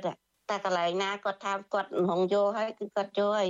មិនបាច់ពីណាទៅដោះស្រាយទេសូមបីតែចាប់ប្រជាពលរដ្ឋនៅព្រំដាក់គុក4នាក់ហ្នឹងគាត់ថាអត់មានអើយអាណារត់ការទេតែអាណាហ៊ានរត់ការគឺគាត់បានហ្មងអញ្ចឹងអញ្ចឹងគឺថាធ្វើអីហ្នឹងគឺគម្រាមគេមុនហ្មងហើយអញ្ចឹងគេខ្លាច វិទ្យុអាស៊ីសេរីបានព្យាយាមតាក់ទងអភិបាលខេត្តបៃលិនអ្នកស្រីបានស្រីមុំជាច្រើនដង និងជាច្រើនថ្ងៃដើម្បីឆ្លើយតបរឿងនេះក៏ប៉ុន្តែទូរស័ព្ទហៅចូលពុំមានអ្នកទទួលហើយពេលខ្លះទៀតអ្នកស្រីទទួលហើយរួចក៏ចុចផ្ដាច់ទៅវិញជុំវិញរឿងនេះអ្នកនាំពាក្យគណៈបកកណ្ដាលអំណាចលោកសុកអេសាន បានចេញមកការពារអ្នកស្រីបានស្រីមុំថាដឹកនាំខេត្តបៃលិនបានត្រឹមត្រូវស្របទៅតាមគោលការណ៍របស់រដ្ឋាភិបាល និងរបស់គណៈបក ខ្ញុំការពារអញ្ចឹងហ្មងបាទពីព្រោះឥឡូវវាឆ្លងបញ្ចាំងអំពីលទ្ធផលនៃការបោះឆ្នោតបើសិនណាជាជំទាវបានស្រីមុំក្នុងនាមជាមន្ត្រីជាន់ខ្ពស់របស់គណៈបកប្រជាជននៅទៅកាន់ជាអភិបាលខេត្តនោះធ្វើមិនត្រឹមត្រូវទេគណៈបកប្រជាជនអត់ទទួលបានផលិតឆ្នោតទេអ្នកស្រីបានស្រីមុំគឺជាសមាជិកគណៈកម្មាធិការកណ្ដាលគណៈបកប្រជាជនកម្ពុជាអ្នកស្រីបានជាប់ឈ្មោះថាជាស្ត្រីខ្លាំងនៅប៉ៃលិនដោយសារតែការបង្ក្រាបលើសិទ្ធិនយោបាយនិងការបញ្ចេញមតិ ក្រោយអ្នកស្រីឡើងកាន់តំណែងជាអភិបាលខេត្តប៉ៃលិនមិនដល់មួយខែផងតុលាការខេត្តនេះបានកាត់ទោសមន្ត្រីគណៈបកសង្គ្រោះជាតិ4នាក់ឲ្យជាប់ពន្ធនាគារចន្លោះពី5ឆ្នាំទៅ7ឆ្នាំ ពីបទរួមគំនិតក្បត់ប៉ុន្មានខែក្រោយមកទៀតគ្រូបង្រៀនម្នាក់ឈ្មោះយួងសូដាត្រូវបានតុលាការដដែលនេះផ្ដន់ទោសដាក់ពន្ធនាគាររយៈពេល1ឆ្នាំដោយសារតែលោកបានបង្ហោះសាររិះគន់ការសង់ស្ទូបមិត្តភាពកម្ពុជាវៀតណាមនៅក្នុងខេត្តប៉ៃលិន មន្ត្រីគណៈបកសង្គ្រោះជាតិអ្នកស្រីវ៉ែនដារ៉ាដែលកំពុងតែភៀសខ្លួននៅប្រទេសថៃពីការតាមចាប់ខ្លួនរបស់សមាជិកខ្មែរថ្លែងថាការធ្វើទុកបុកម្នេញលើសកម្មជននយោបាយប្រឆាំងនៅក្នុងខេត្តប៉ៃលិននេះគឺធ្វើឡើងតាមការបង្គាប់បញ្ជារបស់អ្នកស្រីបានស្រីមុំនេះឯងចរិតលោកស្រីបានស្រីមុំនេះគឺថាអត់ខុសពីចរិតលោកហ៊ុនសែននេះគឺថាគាត់ចង់ផ្ដាច់មុខនិយាយរួមទៅ ប្រជាពលរដ្ឋថាតែបៃលិនគឺមិនមែនជាខេត្តបៃលិនទេគឺជាប្រទេសបៃលិនព្រោះធ្វើអីខុសគេដឹកនាំគ្មានដឹងថាធ្វើអញ្ចេះវាខុសធ្វើអញ្ចេះវាត្រូវអីអត់ទេធ្វើមិនធ្វើតែឲ្យតែគាត់ឈ្នះចង់មានតែឯងផ្ដាច់ការតែឯងធ្វើអីតែឯងចង់អញយកអីក៏បានអត់មានចង់ឲ្យណាចូលខេត្តប៉ៃលិននេះនិយាយរួមទៅគឺគាត់ចង់ផ្ដាច់មុខខេត្តប៉ៃលិននឹងជារបស់គាត់ក្រុមគ្រួសារគាត់ហ្មង ករណីជាក់ស្ដែងមួយទៀតគឺអ្នកស្រីបានស្រីមុំបានប្រើអំណាចជាអភិបាលខេត្តបណ្ដេញមន្ត្រីរាជការចេញពីក្របខ័ណ្ឌតាមតែអំពើចិត្តផ្ទុយពីច្បាប់សហលក្ខន្តិកៈមន្ត្រីរាជការស៊ីវិលអ្នកស្រីបានបណ្ដេញគ្រូពេទ្យមួយរូបឈ្មោះខមនីកុសលចេញពីក្របខ័ណ្ឌមន្ត្រីការិយាល័យបង្ការនិងគ្រប់គ្រងជំងឺនៃមន្ទីរសុខាភិបាលខេត្តប៉ៃលិនដោយគ្រាន់តែលោកបញ្ចេញមតិចំពោះភាពអសកម្មរបស់មន្ត្រីមួយចំនួន នៅមណ្ឌលចាត់តល័យស័កនៅមន្ទីរបកខេត្តប៉ៃលិន លោកខមនីកុសល គឺជាមន្ត្រីសុខាភិបាលប្រចាំការនៅក្នុងខេត្តប៉ៃលិនតាំងពីឆ្នាំ1998ក៏ប៉ុន្តែលោកមាននិន្នាការគ្រប់គ្រងគណៈបកប្រឆាំងហើយបច្ចុប្បន្ននេះលោកគឺជាប្រធានប្រតិបត្តិគណៈបកភ្លើងទៀនខេត្តប៉ៃលិនអ្នកស្រីបានស្រីមុំមិនបានលាក់បាំងនៅការរើសអើងផ្នែកនយោបាយនិងការដឹកនាំបែបគៀបសង្កត់សិទ្ធិសេរីភាពរបស់អ្នកស្រីនោះឡើយ នៅក្នុងពិធីប្រកាសសុពលភាពក្រុមប្រឹក្សាជាប់ឆ្នោតនៅខេត្តបៃលិនកាលពីដើមខែកក្កដាកន្លងទៅអ្នកស្រីបានប្រៀបធៀបក្រុមមន្ត្រីគណៈបកភ្លើងទៀនថាជាក្រុមដង្កូវសង្គមនិងប្រមានកំចាត់ពួកគេចោលថែមទៀតផងចាត់បណ្ដឡើងវិញច្បាស់គិតសារវិញច្បាស់មុននឹងធ្វើនយោបាយសិក្សាច្បាស់សិនជំរឿនដល់ល្អខ្ញុំអត់មានថាទេខ្ញុំខ្ញុំធ្វើការកាន់រំលឹកជួងកាលមនុស្សយើងធ្វើខុសមិនមានអ្នកកាន់រំលឹកអត់ដឹងថាខ្លួនឯងធ្វើខុសទេ ខ្ញុំក៏រំការរំលឹកថាយើងធ្វើអីក៏ដោយយើងគិតឲ្យវែងហើយពួកខ្ញុំអត់ដែររើអានជាមួយអស់លោកទេគេមិនមែនបង្រៀនមនុស្សឲ្យមកទៅតឹងទិសឆ្លើយដើម្បីបំពុលសង្គមជាតិនឹងទៅក្នុងសង្គមទេអញ្ចឹងគេមិនទុកទុកឲ្យយើងនៅទេឲ្យច្បាស់ទៅនឹងបើយើងជានឹងទៅគេនឹងឆ្កេះប្រវត្តិចោលឬក៏គេដាក់ឆ្នាំបំពុលនោះសា រនយោបាយបែបគម្រាមកំហែងនិងប្រកាន់បកពួកបែបនេះរបស់អ្នកស្រីបានស្រីមុំបានជះឥទ្ធិពលមិនល្អទៅដល់ការបំពេញមុខងាររបស់មន្ត្រីក្រមប្រឹក្សាជាប់ឆ្នោតមកពីគណៈបកដតីចៅសង្កាត់រងទី2នៅសង្កាត់អូតាវ៉ៅក្រុងប៉ៃលិនអ្នកស្រីយ៉ាកំលេងថ្លែងថាអ្នកស្រីនិងក្រុមប្រឹក្សាជាប់ឆ្នោត4រូបផ្សេងទៀតនៃគណៈបកភ្លើងទៀននៅក្នុងខេត្តប៉ៃលិនបានរងការរើសអើងផ្នែកនយោបាយជាពិសេសមេឃុំចៅសង្កាត់គណៈបកកណ្ដាលអំណាច មិនបានបែងចែកតួនាទីនិងភារកិច្ចដល់ពួកលោកស្រីឲ្យស្របទៅតាមច្បាប់នោះឡើយគាត់ប្រើពាក្យបែបបញ្ឆិតបញ្ឈៀងបែបស្អីឲ្យណែនាំសុំឲ្យអ្នកដែលជាប់ឆ្នោតនឹងគោរពច្បាប់គោរពច្បាប់គោរពច្បាប់ធ្វើអីតាមច្បាប់ហើយបើអ្នកណា មិនល្អឬក៏មានអីចាប់ឲ្យបានមានកំហុសអីចឹងណាគាត់ជាអ្នកគោរពច្បាប់អីអីណាណីហើយរាល់ថ្ងៃអ្នកណាអ្នកគោរពច្បាប់មិនគោរពច្បាប់ជាក់ស្ដែងយើងឃើញតាការបែងចែកការងារភារកិច្ចមកឲ្យចៅសង្កាត់ទី2មិនត្រឹមតែខ្ញុំទេគ្រប់5ឃុំសង្កាត់នៅក្នុងប៉ៃលិនខ្ញុំមានអីមានមានគោរពច្បាប់អត់មានធ្វើតាមច្បាប់អត់អត់ផងការដឹកនាំរបស់អ្នកស្រីបានស្រីមុំនៅក្នុងរយៈពេលប្រមាណ2ឆ្នាំមកនេះ គេពុំសូវឃើញមានការអភិវឌ្ឍអ្វីគួរឲ្យកត់សម្គាល់នៅក្នុងខេត្តបៃលិននោះទេហេដ្ឋារចនាសម្ព័ន្ធដូចជាផ្លូវនិងស្ពានជាដើមភ្នាក់ច្រើនគឺជាសមិទ្ធផល និងជាគម្រោងរបស់អភិបាលខេត្តមុនស្របពេលសកម្មភាពជំនួញវិញហាក់ដើរថយក្រោយទៅវិញថែមទៀតប្រជាពលរដ្ឋឲ្យដឹងថាច្រកទ្វារព្រំដែនអន្តរជាតិព្រំនៅក្នុងខេត្តបៃលិនមិនសូវមានសកម្មភាពដឹកជញ្ជូនទំនិញផុសផុលដូចពីមុនទេ ពលគឺក្រុមឈ្មួញនាំគ្នាងាកទៅច្រកអន្តរជាតិដងនៅក្នុងខេត្តបាត់ដំបងវិញស្របពេលអ្នកខ្លះទៀតបានបិទអាជីវកម្មរបស់ខ្លួននៅក្នុងខេត្តបៃលិនដោយសារតែត្រូវចំណាយលុយក្រោមតុកច្រើន ទៅឲ្យអាជ្ញាធរនៅក្រោមការគ្រប់គ្រងរបស់អ្នកស្រីបានស្រីមុំបើតាមការលើកឡើងរបស់ប្រជាពលរដ្ឋអ្វីដែលរីកសាយភាយច្រើននៅក្នុងខេត្តបៃលិននៅពេលនេះគឺកាស៊ីណូនិងលបែងស៊ីសងខណៈការបង្ខាំងមនុស្សខុសច្បាប់វិញក៏កំពុងកើតមានជាបន្តបន្ទាប់ នៅក្នុងខេត្តជាប់ព្រំដែនថៃមួយនេះដែរខ្ញុំយ៉ងច័ន្ទដារាវិទ្យុអាស៊ីសេរីរាយការណ៍ពីរដ្ឋធានី Washington ចាលោកនាងកញ្ញាជាទីមេត្រីចាលោកនាងដែលកំពុងទៅតាមដានការផ្សាយរបស់វិទ្យុអាស៊ីសេរីចានៅលើវិទ្យុរលកធាតុអាកាសខ្លី SW ចាលោកនាងមិនលឺការផ្សាយរបស់យើងទៀតទេចានៅម៉ោង7:30នាទីបន្តិចទៀតនេះចាប៉ុន្តែលោកនាងដែលតាមដានការផ្សាយរបស់យើងនៅលើបណ្ដាញសង្គម Facebook និង YouTube ចាសូមបន្តតាមដានការផ្សាយរបស់យើងជាបន្តទៅទៀត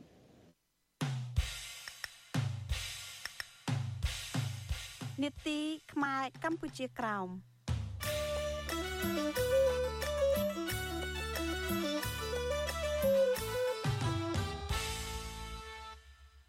ចាលោកនាងជាទីមេត្រីអាញាធរថៃបន្តឃុំខ្លួនជនភៀសខ្លួនខ្មែរក្រោមចំនួន10នាក់ហើយអាចបណ្ដេញពួកគេចេញពីប្រទេសថៃទៅប្រទេសវៀតណាមពីបទឆ្លងដែននិងធ្វើការងារនៅក្នុងប្រទេសថៃដោយខុសច្បាប់អង្គការ Human Rights Watch និងអង្គការខ្មែរកម្ពុជាក្រោមបន្តទទូចឲ្យអាញាធរថៃ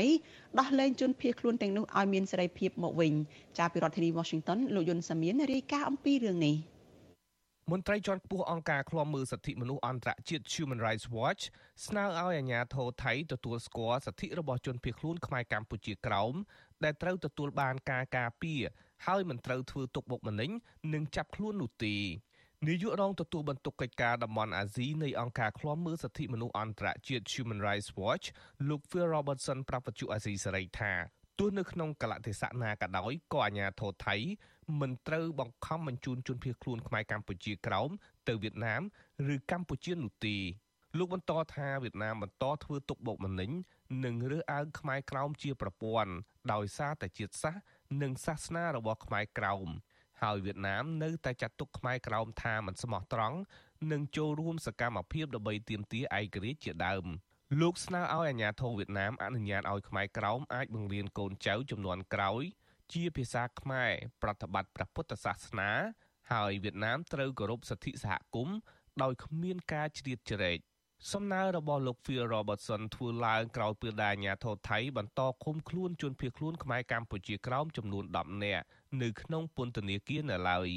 កាលពីថ្ងៃទី14ខែតុលាសមត្ថកិច្ចថៃបានចាប់ខ្លួនជនភៀសខ្លួនខ្មែរកម្ពុជាក្រោមចំនួន10នាក់នៅពេលពួកគេកំពុងធ្វើការងារនៅផ្សារមួយកន្លែងដើម្បីរកប្រាក់ចិញ្ចឹមជីវិត តុលាការថៃបានចោទប្រកាន់ពួកគេវិបត្តិចូលនិងធ្វើការនៅថៃដោយខុសច្បាប់ជនភៀសខ្លួននឹងជាប្រធានសមាគមជនភៀសខ្លួនខ្មែរកម្ពុជាក្រោមប្រចាំនៅប្រទេសថៃលោកលឹមកៅសំណាងប្រវត្តិអាស៊ីសេរីថាអញ្ញាធរថៃតម្រូវឲ្យខ្មែរកម្ពុជាក្រោមដែលកំពុងជាប់ឃុំត្រូវបង់ប្រាក់ដើម្បីអាចនៅក្រៅឃុំបណ្ដោះអាសន្នក្នុងម្នាក់ម្នាក់ជិត2000ដុល្លារប៉ុន្តែលោកថាខ្មែរក្រោមគ្មានលុយនោះទេ លោកបន្តថាសមត្ថកិច្ចនឹងបន្តឃុំខ្លួនជនភៀសខ្លួនខ្មែរកម្ពុជាក្រោម42ថ្ងៃមុននឹងសម្រេចថាត្រូវបញ្ជូនពួកគេទៅកម្ពុជាឬក៏វៀតណាមលោកបន្តថាបច្ចុប្បន្នខ្មែរកម្ពុជាក្រោមដែលកំពុងជាប់ឃុំដែលអ្នកខ្លះមានអាយុដល់ជាង60ឆ្នាំ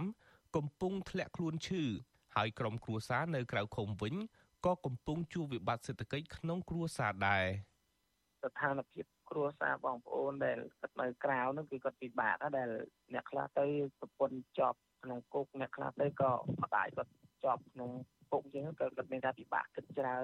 នឹងឲ្យបងប្អូនយើងនៅខាងក្រៅនេះគឺអត់មានសិទ្ធិអ្វីទេគឺជនភៀសខ្លួនអ្នកខ្លះទៅក៏បានសម្ភារជាប់ពីអង្គការសហភាពពលស្កលអ្នកខ្លះទៀតកំពុងពិចារណាបងប្អូនខ្លះទៀតក៏កំពុងអត់ធ្លាក់ទៅដូច្នេះគឺការប្រជុំមុខធំដែលបងប្អូនកំពុងតែនៅក្រៅគឺយើងអត់មានសិទ្ធិអ្វីទាំងអស់ ក្នុងការហោះហើរក្នុងការប្រកបមុខរបរដូច្នេះទេបងប្អូនគឺមិនមានសិទ្ធិអ្វីធ្វើការងារទេពេលធ្វើការងារគឺខុសច្បាប់ថៃនឹងឲ្យប្រជុំមុខនៅជាច្រើនហើយអង្គការសហប្រជាជាតិ UNHCR ហ្នឹងក៏ជួយបងប្អូនមិនដល់ដល់ទៀតនឹងហើយបងប្អូនខ្លះអង្គការសហប្រជាជាតិមិនបានជួយទេយើងក៏បានដើរសុំជំនួយអង្គការផ្សេងផ្សេងដើម្បីយកមកត្រួតត្រងជីវិតប្រចាំថ្ងៃដូច្នេះគឺពិបាកណាលោកសំណុំពរឲ្យក្រុមអង្គការសិទ្ធិមនុស្សនិងអង្គការសហប្រជាជាតិទទួលបន្ទុកជនភៀសខ្លួន UNHCR ជួយអន្តរាគមន៍ទៅរដ្ឋាភិបាលថៃដើម្បីអាចដោះលែងខ្មែរក្រោមឲ្យមានសេរីភាពឡើងវិញបានវិទ្យុអាស៊ីសេរីបានព្យាយាមតាក់ទងមន្ត្រីអង្គការសហប្រជាជាតិទទួលបន្ទុកជនភៀសខ្លួនប្រចាំនៅទីក្រុងបាងកកប៉ុន្តែមិនទាន់ទទួលបានការឆ្លើយតបនៅឡើយទេមកទល់នឹងថ្ងៃទី24ខែតុលានេះពាក់ព័ន្ធទៅនឹងរឿងអាញាធរថៃចាប់ខ្លួនជនភៀសខ្លួនខ្មែរ